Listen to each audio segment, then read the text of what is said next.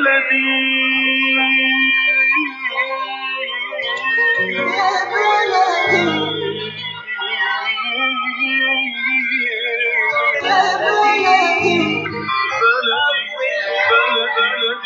أهلا بكل الذين ينضموا للاستماع إلى راديو بلدي أول راديو عربي أمريكي ويعنى بقضايا العرب في المهجر برامجنا في راديو بلدي كل يوم جمعة من الثامنة وحتى التاسعة صباحا في بث حي ومباشر عبر WNZK راديو 690 AM صباح الخير بلدي صباح الخير لكل مستمعينا. Welcome to Radio Baladi, the first Arab, Middle Eastern, and American simulcast radio show. Radio Baladi is broadcast every Friday morning on WNZK 690 AM from 8 until 9 Eastern. Time on Good Morning Michigan. Our call-in number 248 557 3300. And now, stay tuned for the best radio talk show on Arab and American issues.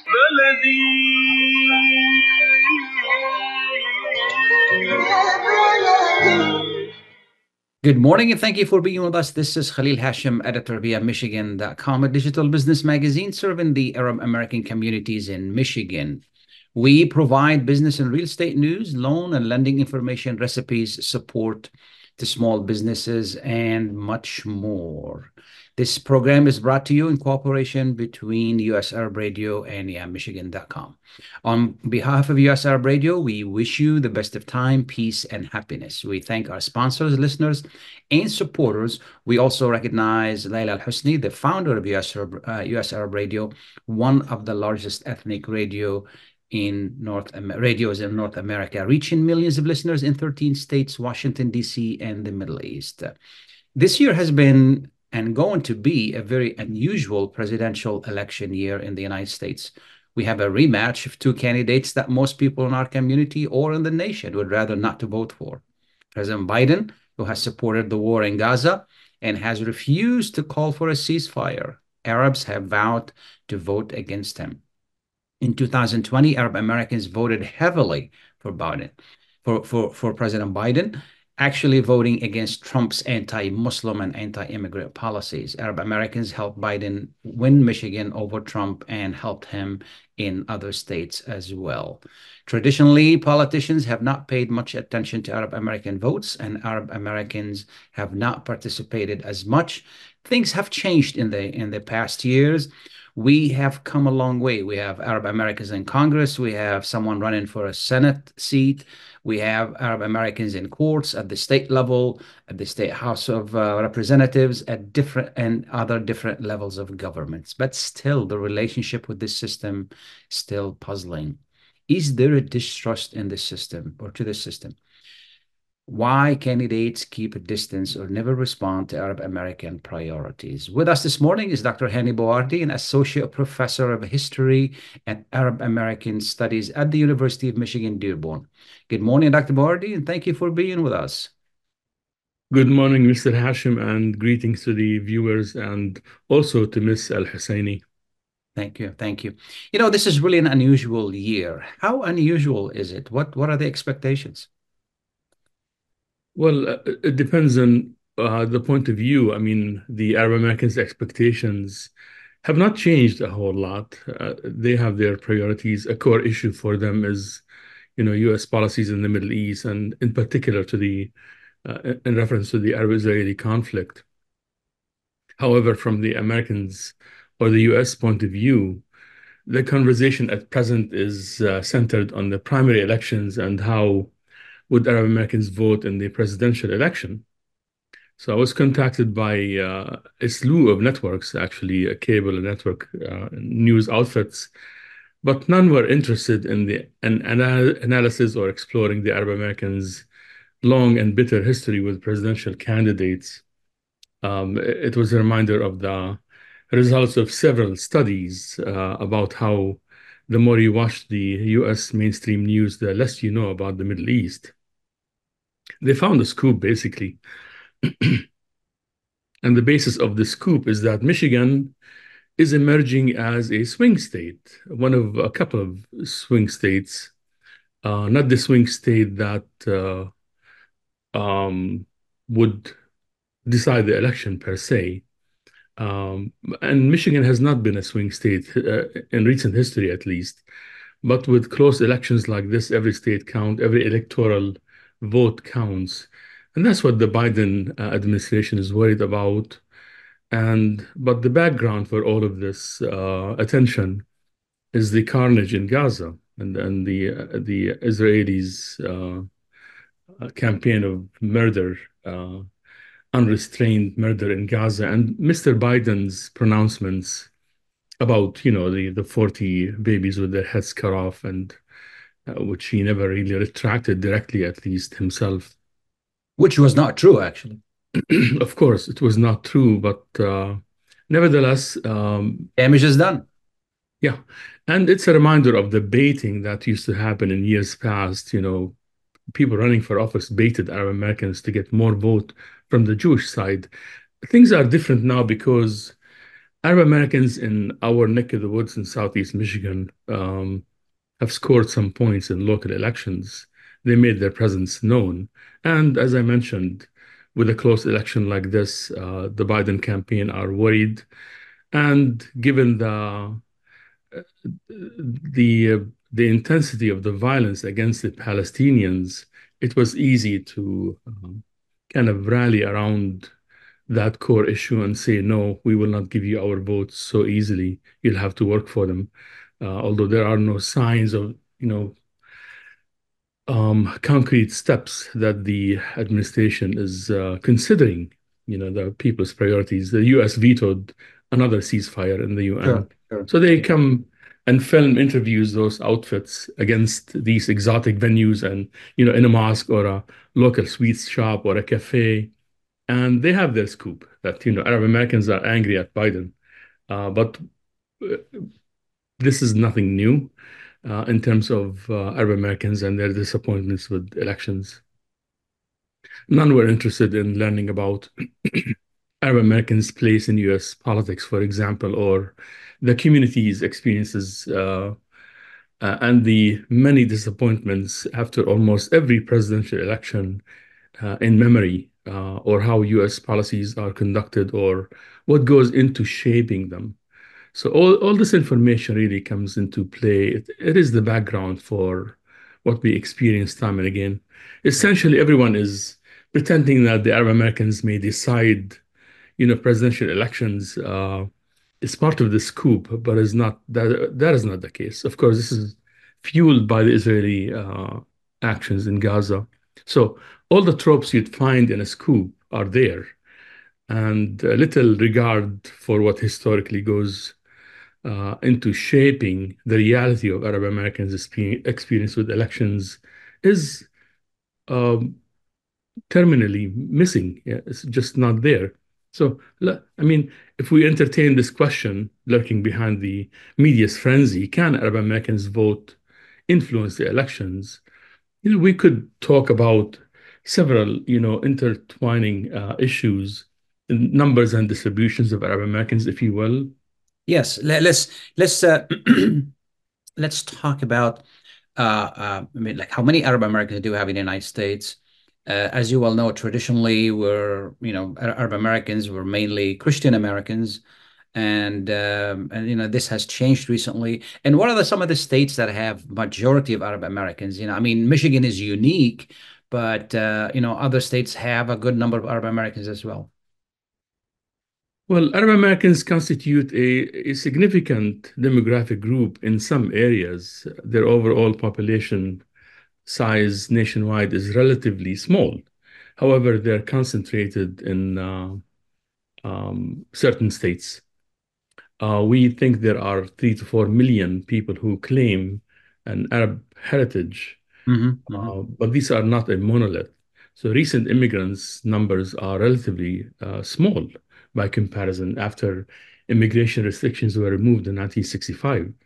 The first wave came before World War One, and those sure. acculturated Americans, basically, many of them, of course, uh, celebrate their heritage uh, as Lebanese Americans and Arab Americans, Syrian Americans. But after 1965, you have people who arrived from different nation states and uh, they affiliate with those nation states, but still claim belonging to an Arab Americanism of sorts. Altogether, 4 million. Um, they're concentrated in, of course, Michigan, Southeast Michigan, California, New York, Illinois, and New Jersey. Of course, every single state has uh, a, a, population of Arab Americans of undetermined uh, number.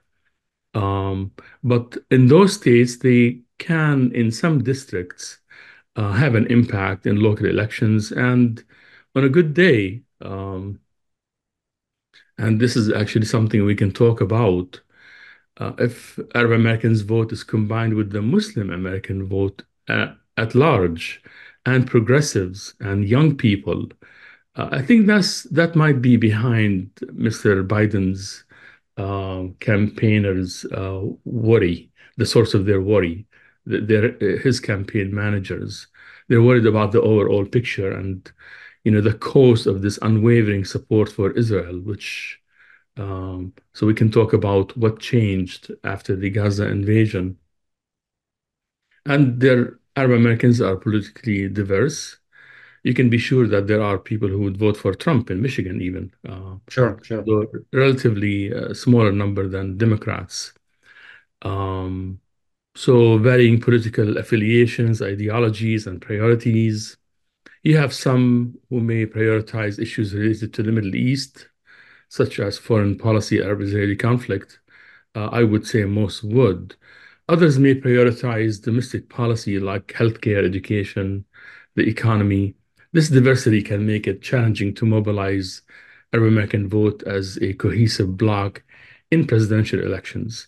Because, for example, Trump supporters are socially conservative, while uh, Democrats traditionally are a little bit more liberal uh, with a small L, and you know belong to the party machine with a big L, like a liberal. Uh, sure, sure. Vote. So voter turnout among Arab Americans has historically been lower than that of other demographic demographic groups, except in local elections, especially in our region here in Southeast Michigan and in particular, um, Dearborn, Detroit area. Factors such as language barriers, cultural assimilation, and perceptions of political marginalization may contribute to lower turnout, voter turnout uh, among Arab Americans. So those factors are always there, playing a role also. Do we know how many Arab Americans in in Michigan? I, I don't think anyone has a, a precise figure. Um, and that goes, that is attributed to the fact that the census was never accurate about Arab Americans from the get-go. Sure. So those early immigrants who came to the region uh, from uh, the Levant during Ottoman period were registered as Turks in Asia uh, and, and later on Syrians as of 1899 or so. And and they're very transient. They moved around. I mean, I hear very often in my classes, I have young people who discover that they have Arab American roots for the first time in, in a class. uh, these things yeah. happen uh, yeah. with, with, regularity, although less and less now with the information disseminating. But the Arabic sounding names very often turn out to be uh, belong to people of Arab descent uh, and they don't even know it. Yes. So we don't know how many. Yeah. Uh, I can tell you that uh, those who identify as Arab Americans, their numbers in New York, both New York and California, may be greater than Michigan. Yes. Yeah. But we're unique here because we're concentrated in the Exactly. Exactly. Exactly. What we're going to do, uh, Dr. Bawardi, we're going to take a short break. We'll be right back. Please stay tuned. When you're looking for the best in optical care, Dr. Imad Nakash is your doctor to see. With years of experience and thousands of successful procedures performed, you can trust your eyes to Dr. Imad Nakash. See Dr. Imad Nakash and his professional staff for your eye care needs. There's two locations to serve you. In Hazel Park, call 248-336-3937. 248-336-3937. In Rochester Hills, call 248-299-3937. That's 248 299 3937. Ziyad brand. Quality products from our family to yours. Ziyad Brothers Importing offers the finest quality products, including brands like Sultan, Kraft, Nestle, Hook, Rico Picon, Donna, and many more. Ask your retailer to carry these fine products because you deserve the very best.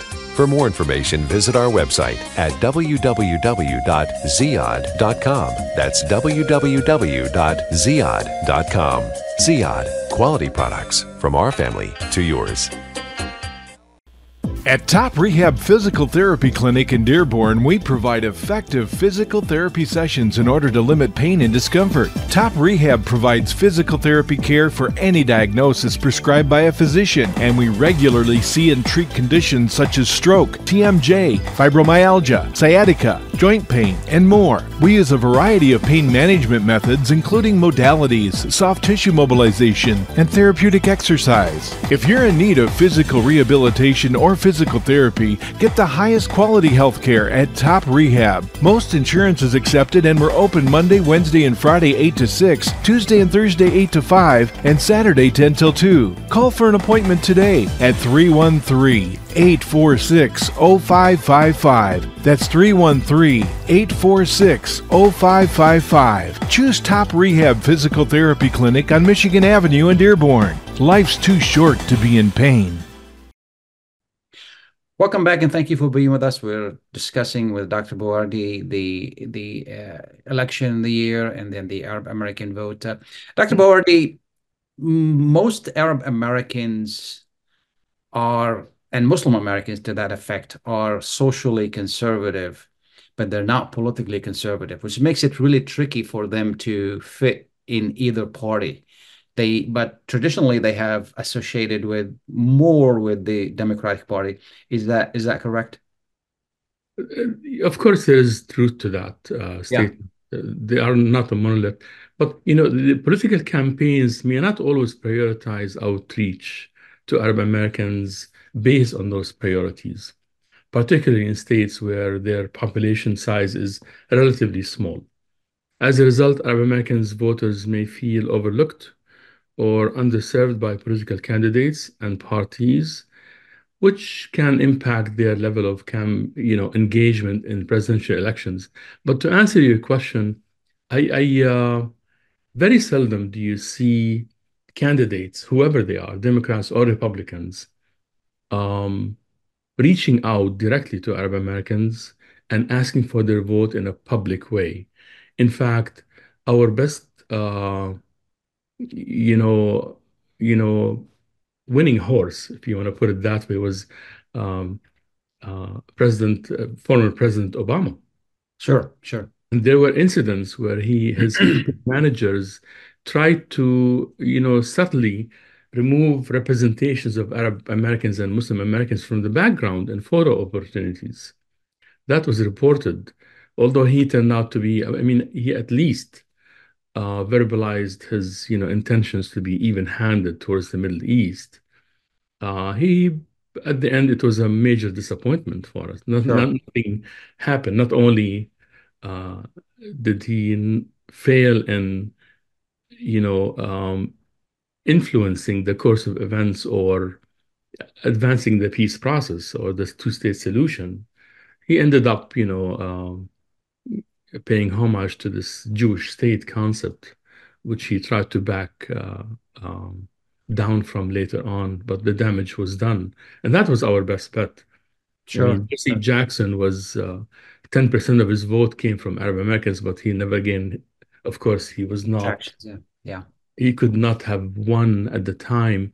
And when we are faced with choi- difficult choices like this, we end up with the short end of the stick anyway. For example, the Bush Gore election, which was very, very close, and the Arab Americans could have made the difference.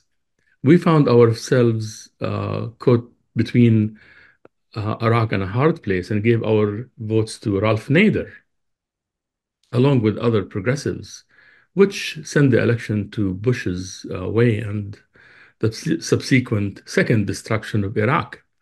Uh, and these things happen. Um, so, and there isn't like an a, a motivation or yeah. A, yeah. Uh, like an incentive no, it's, it's for those candidates to come after our vote, like openly uh, and and with with all earnestly uh, look for our votes because our votes are dwarfed by the Jewish vote.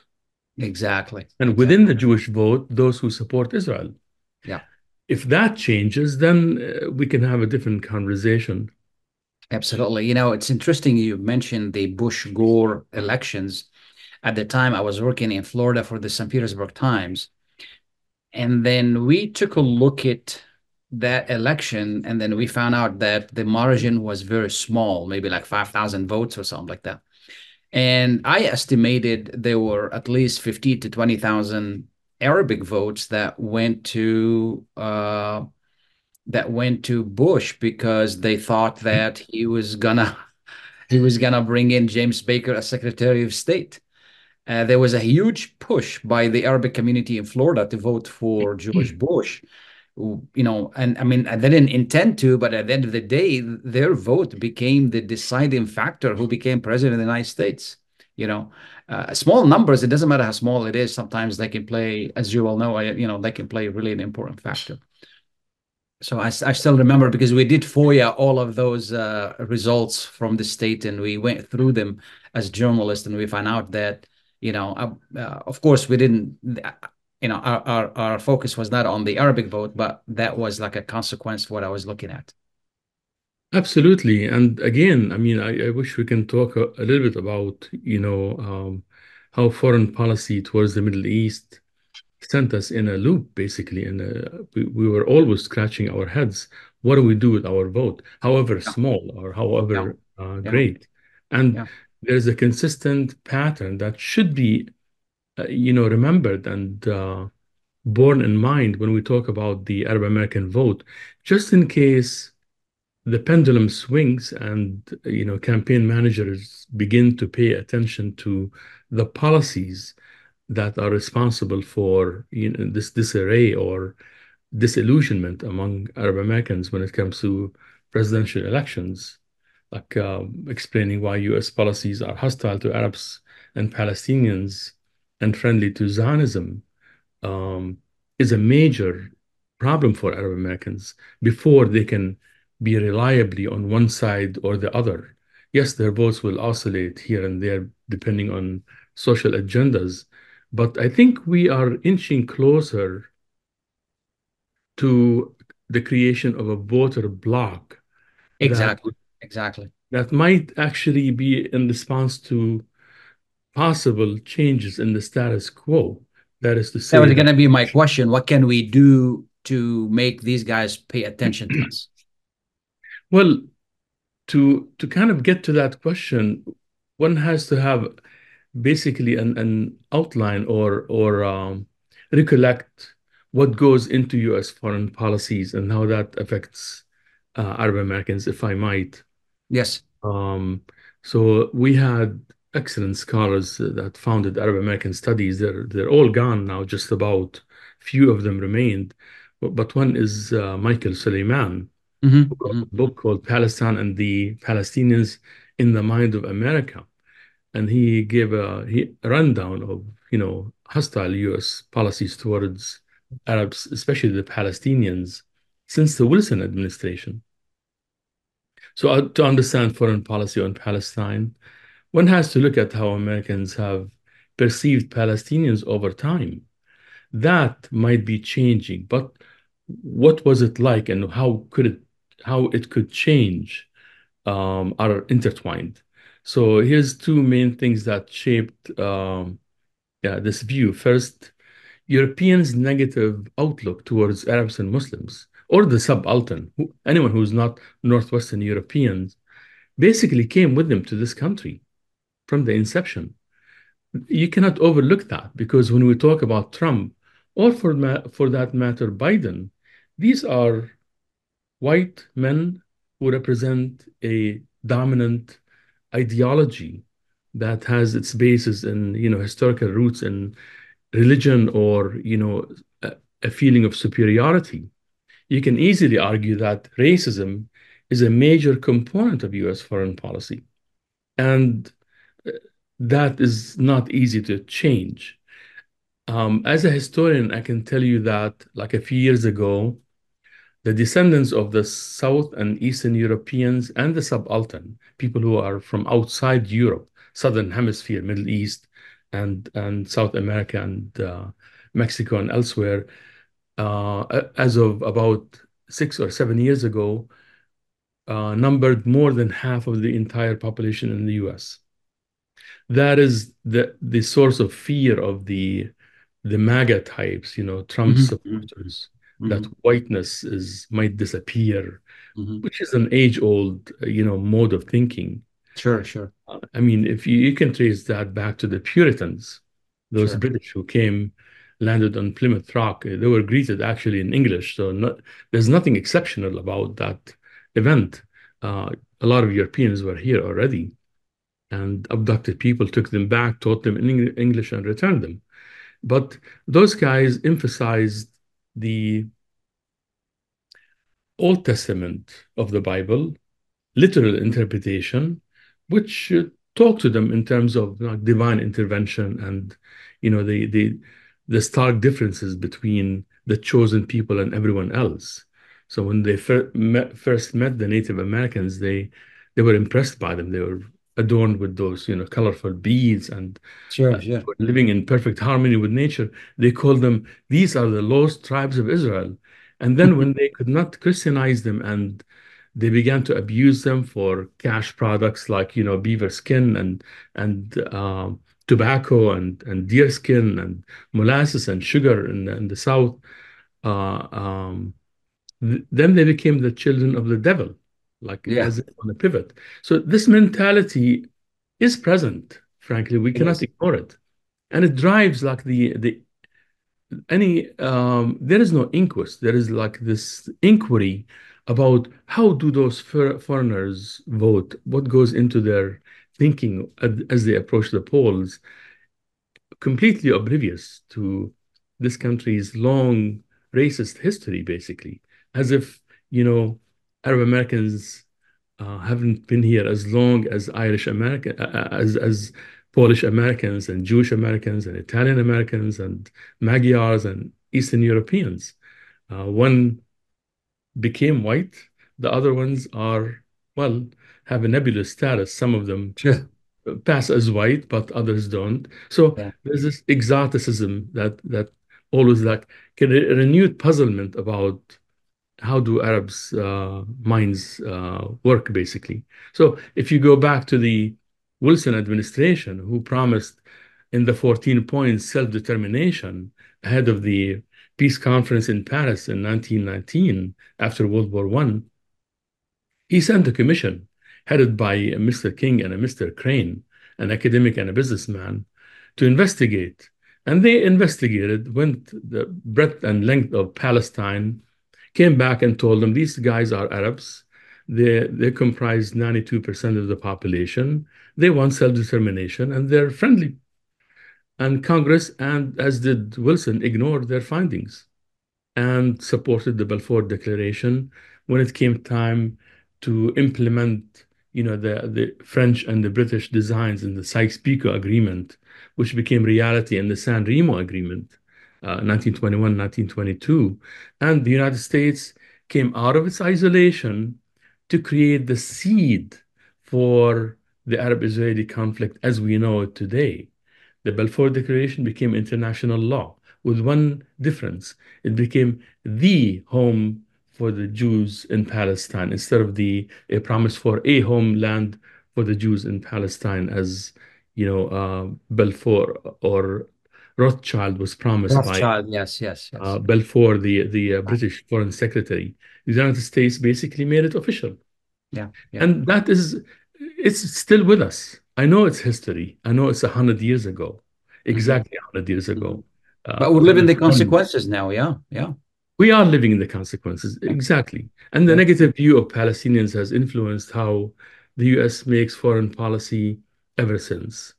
Some blaming political pressure at home, like uh, the strong uh, pro-Israel lobby, although a major factor is not uh, that is not enough, frankly. America's history and culture play a role. If one really wants to understand um, why the policies of this country toward Palestinians are the way they are, they're just made that way. And why? Well, yes, the United States was not an imperialist power yet, but it became so. It became one. So students, for example, ask, why is the United States supporting Israel to this extent? Why would Biden repeat a, um, a lie that he knew came from the Israeli army? That's a, nothing but a vicious lie about Sure. babies their heads cut off. And frankly, the answers are easy if one looks back. When Europe plowed into the world in this age of uh, explorations, um, uh, you know, wherever they went, they enslaved people, found a way to make money. At the beginning with the Portuguese, Vasco da Gama, who found a way to India. On the way, they uh, colonized Africa. And the Dutch were not far behind. Very soon, Columbus found gold in South America. And the French and the British were in hot pursuit of similar riches. And the, the price for the people of this world was um, devastating, basically. It was nothing short of mass murder. Now, those countries are not engaged in mass murder anymore, but their imperialist message that you are subservient people, we are better than you, we can, we know what's best for you, did not go away. And planting Zionism in the Middle East was a step in that direction to protect the investment called the Suez Canal and also maintain a foothold in the region. One has to keep those things in mind if you want to understand why the US would send Sure. an airplane carrier, an aircraft carrier with all its flotillas, enough to subdue an entire continent, was sent.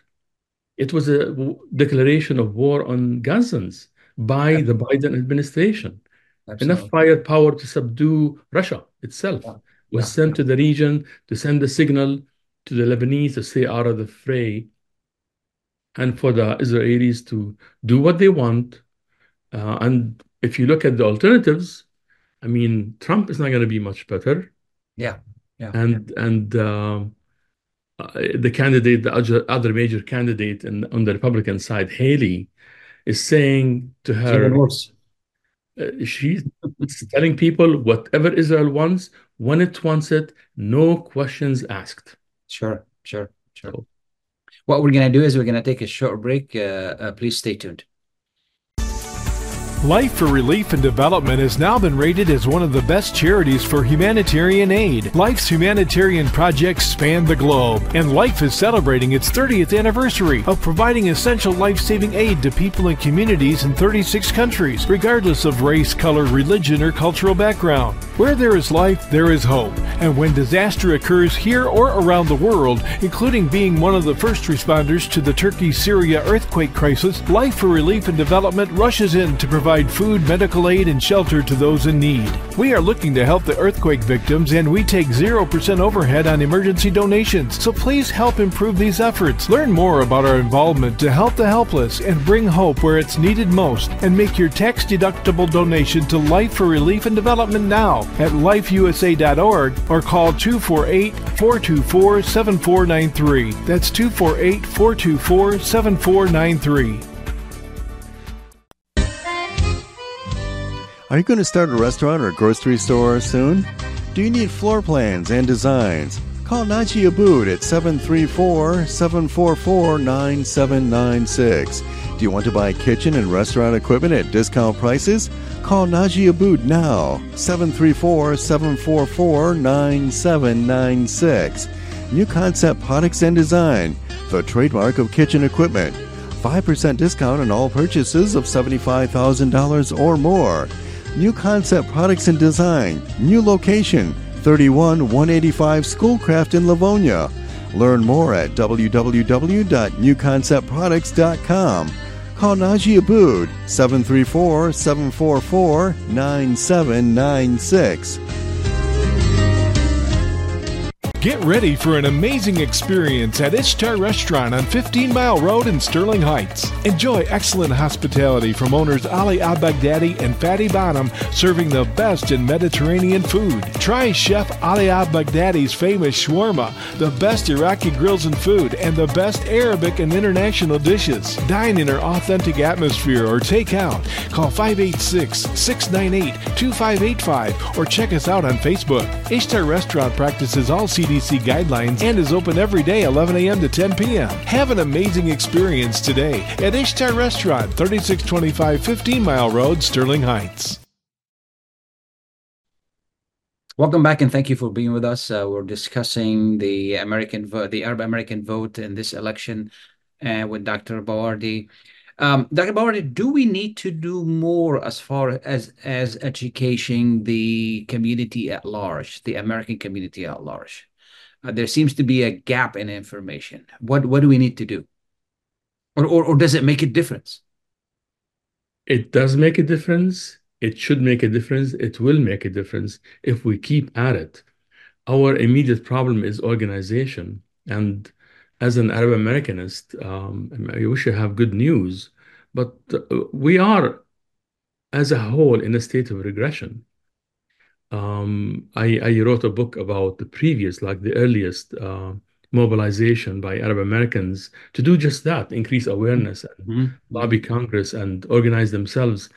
And um, I know it might sound strange to some viewers to hear this, but in 1939 through 1945, we came closer to the center of power in this country than we ever have since. We had the largest grassroots Arab American organizations.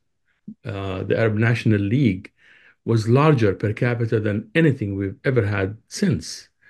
Uh, those organizations were reborn at the as the ADC, American Arab Anti-Discrimination Committee, Maybe, yes. Yeah. which was making headways, and it had a teacher outreach in which I participated.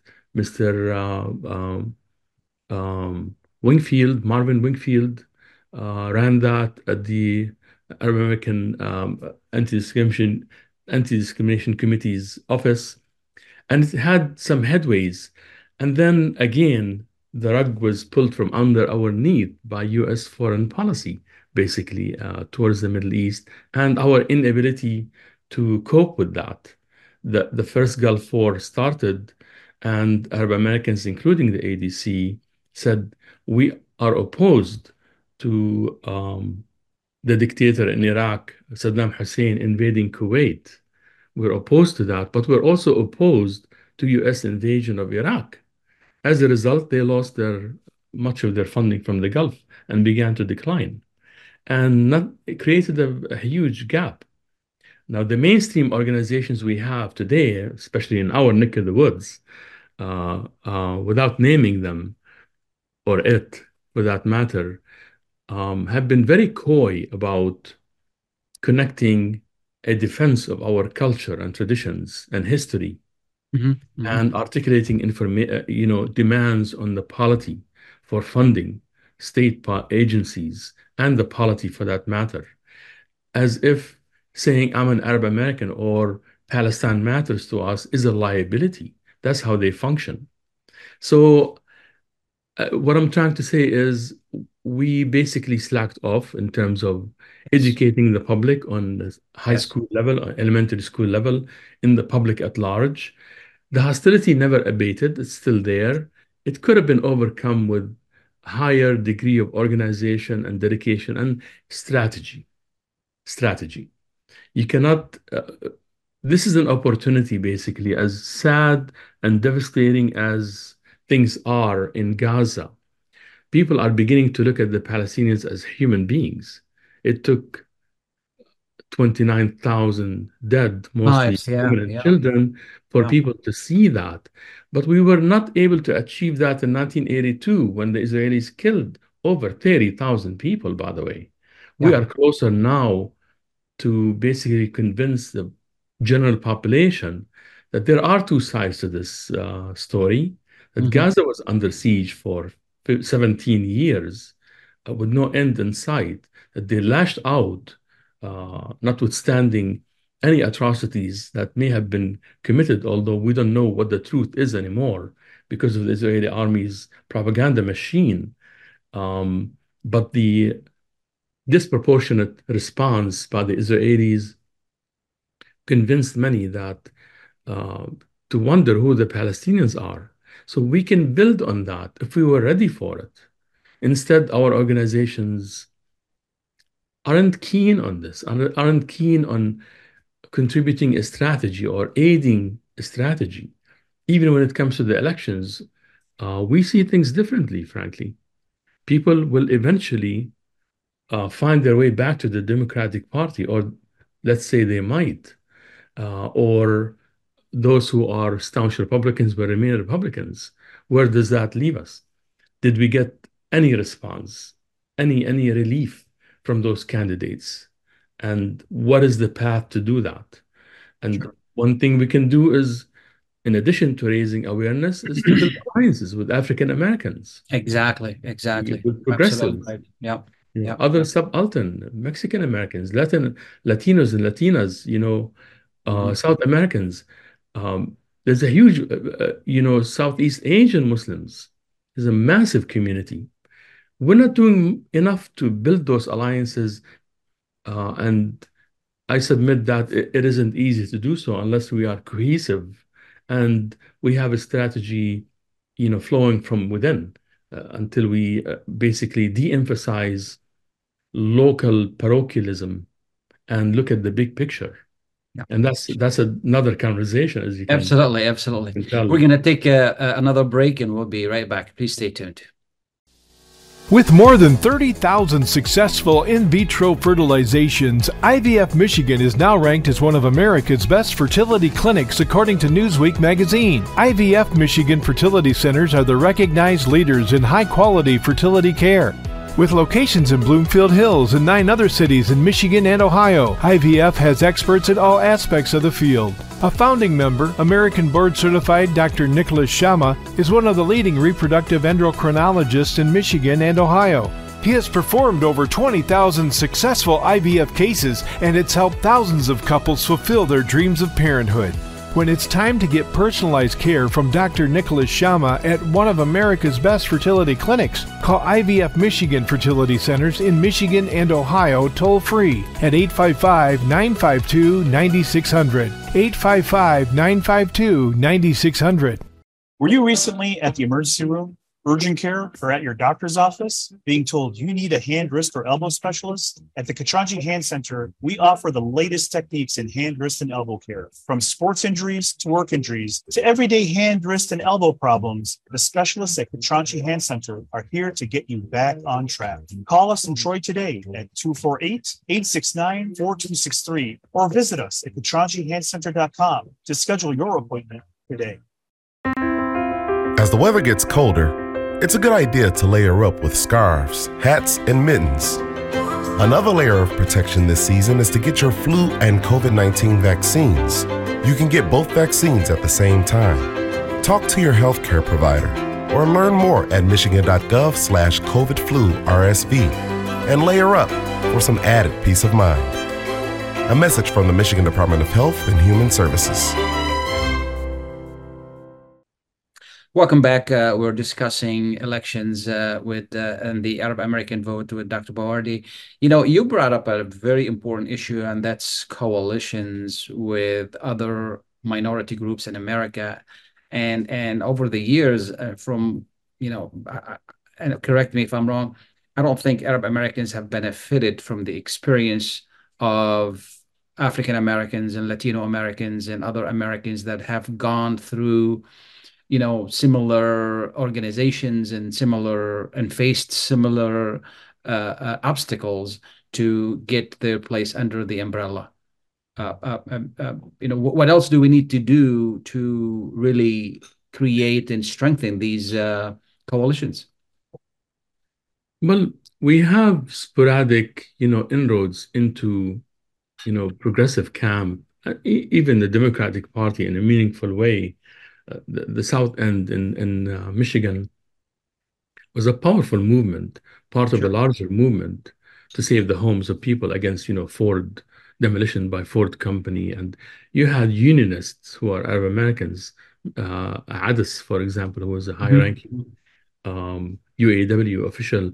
Uh, we have sporadic stories like that, and frankly, we may not have the numbers to to have an immediate impact um, or to matter within this movement. However, we have to basically historicize our experience properly, write ourselves into the, the discourses on the labor movement, on race relations and ethnicity in a proper way, uh, historicize not just monologues and you know trendy theories, but to basically exhibit how we are part and parcel of U.S. social development. Uh, and that will be a reminder on of how important it is for this community um, all over the United States to be part of the local scene and ultimately the national scene in terms of movements. People toss around this word movement lightly. A movement takes a lot. It takes workers, professionals, you know, mm-hmm. a, a cross section of the of the of society to to to work towards one goal. We need to find our way, our place in a movement. We need to aid a movement and then be part of it. It's a lot to accomplish, but for change to happen, frankly, we're in the same boat as many communities who don't see a relief from either Republicans or Democrats. Sure, Uh, one is bureaucratic, the other is like, you know, um, uh, grass tops heavy. Um, but there are a lot of people in between. And history has a way of, you know, repeating itself and going in cycles. So Mhm. a, a, a challenge, a popular challenge to the status quo is sure to happen. At this rate, it, it might by, bypass us. It might pass us by without us noticing or taking advantage of it. What we can do is place ourselves within a movement, uh, working towards uh, different realities, not only in, in foreign policy, but also in domestic politics. So uh, raising awareness goes in that direction. Uh, the way we don't do ourselves any favors is to put all our eggs in the basket of corporations and mainstream politicians, no matter what, and suppress the voices coming from within. Uh, yes, I'm a historian. I have to say something about writing ourselves into the discourses on American life. Sure. Uh, but that matters because when we, in the Hades of the ADC, the American Arab Anti-Discrimination Committee, uh, those academics charted a path for all of us Mhm, to mhm. basically understand who we are in American context. We never built on that. It's been like a 20-year hiatus now. We're not historicizing. We don't have a strategy. Um, our children, beginning with the first Gulf War, it was, I call it a one-two punch. Basically, the first Gulf War, and then the peace process was devastating also, and then 9/11. And children would come home and tell their parents, I don't want to be Arabic. I quote unquote. I was Sure. called by an Iraqi woman around the first Gulf War. I was an activist living in Flint, and she was crying in a deranged way, and that's what she said to me. And the Mhm. same thing happened to my colleagues around the country at the time. I was doing what I can for the ADC Sure. at the time, and you know, but now things are even more dire Mhm. because the people who entered the country from Iraq uh, were selected, uh, select few. Many of them came by way of Saudi Arabia, um, creating cohesion, even in the Dearborn area, in the Detroit area alone, has been a challenge. So you can imagine on a nationwide. So we have to remind ourselves and others about our common history, common Mhm, narratives, mhm, um, mhm, th- those powerful common denominators like language, and build on that and go back to the first 70 or 80 years of our life in the United States was actually very, very powerful reminders of who we are. And also, uh, our place in American society was more secure then. I said, I argue than it is now. Exactly. So you know, connecting the dots and and being reminded ourselves of who we are and our history in this country and beyond. Uh, we can do a lot more in those fields. Absolutely. Absolutely. Is there any other aspect of this discussion that we haven't touched on? You know, we're getting close to uh, the conclude the program. We got six minutes left. Is there any other aspects of the discussion we haven't touched on? Um, Which well, you quite a bit. So there is many subtopics we can discuss. When you have 28,000 or 29,000 people killed, we're losing track. I mean, hundreds are being killed every week. Um, most of women and children dead in Gaza. The Biden administration is likely concerned with overall effect of its unwavering support for Israel. We have to remind ourselves of that, not just Arab American vote, but increased numbers of non-Arab Muslims and young people. Gaza is a sea change in U.S. attitudes towards the Palestinians and the Palestinians globally, and the U.S. is no exception. So th the tide is turning. Are we ready to ride that wave and and change the reality or not? Uh, That is a challenge for us. This is the thought that comes back. We're talking about elections um, as if it's an immediate thing that, you know, uh, all of a sudden we matter. No, we will not swing uh, swing the elections. We might might just might swing Michigan if we're lucky.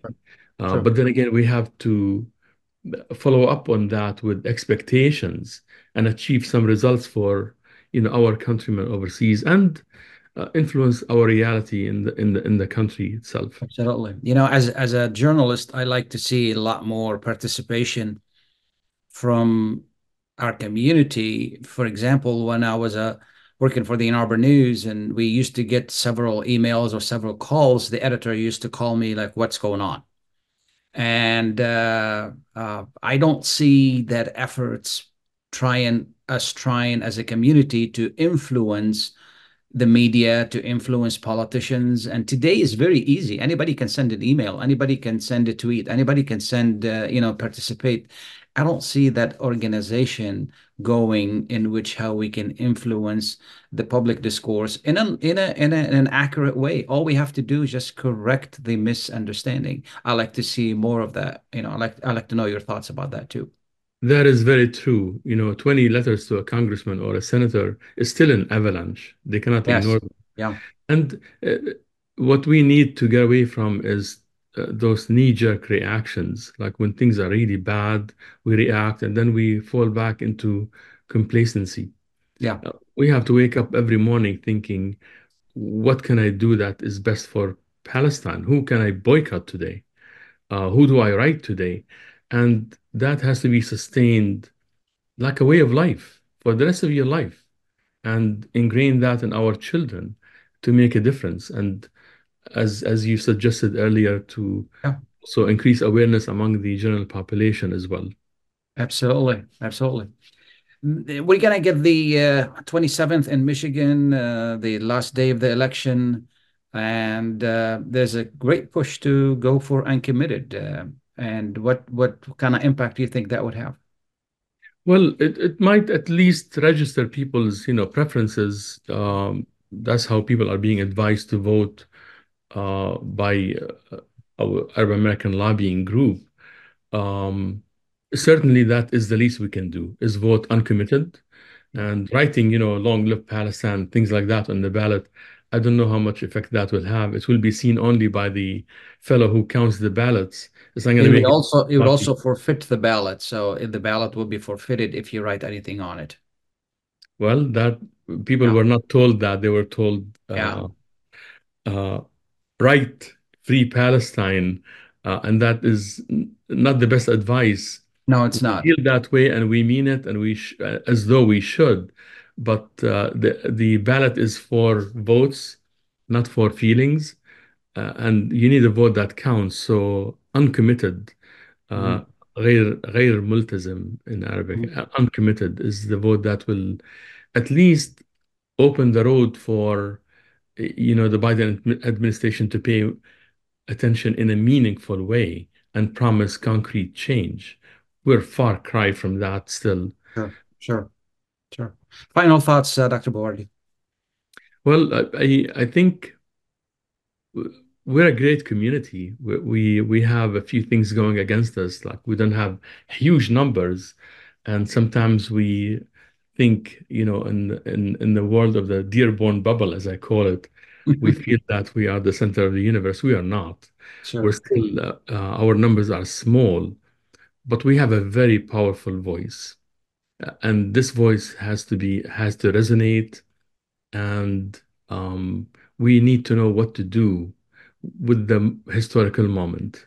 And this, as tragic as it is, uh, we have a debt to ourselves, to our uh, you know ancestral homelands to make a difference in their lives. I think we're getting closer to that, but it takes a lot of hard work uh, and dedication and selfless, selfless um, attitude, uh, not for local elect- gains in local elections, rather changing the culture as a whole in order to change mindset. Absolutely, absolutely, absolutely. Yeah, I, I agree with you 100%. You know, it's uh it is a continuous work and it is a, a, a work that can it needs to reach the uh, you know the the the larger community and on all different directions i agree with and we really appreciate all you do and the academics like you who have been in this community for a long time you know the history and then you're talking to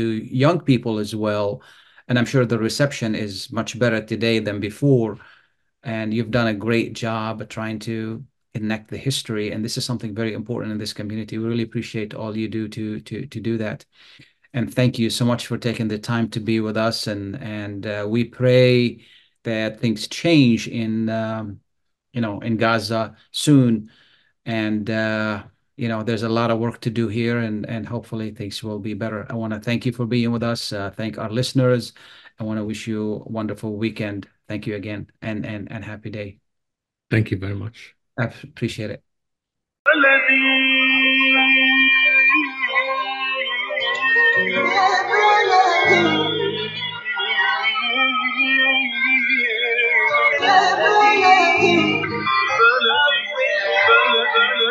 وسهلا بكل الذين ينضموا للاستماع إلى راديو بلدي اول راديو عربي أمريكي ويعنى بقضايا العرب في المهجر. برامجنا في راديو بلدي كل يوم جمعة من الثامنة وحتى التاسعة صباحا في بث حي ومباشر عبر كي راديو 690 اي ام. صباح الخير بلدي، صباح الخير لكل مستمعينا. Welcome to Radio Baladi, the first Arab, Middle Eastern, and American simulcast radio show. Radio Baladi is broadcast every Friday morning on WNZK 690 AM from 8 until 9 Eastern Eastern Time on Des Moines, Michigan. Our call in number 248 557 3300. And now, stay tuned for the best radio talk show on Arab and American issues.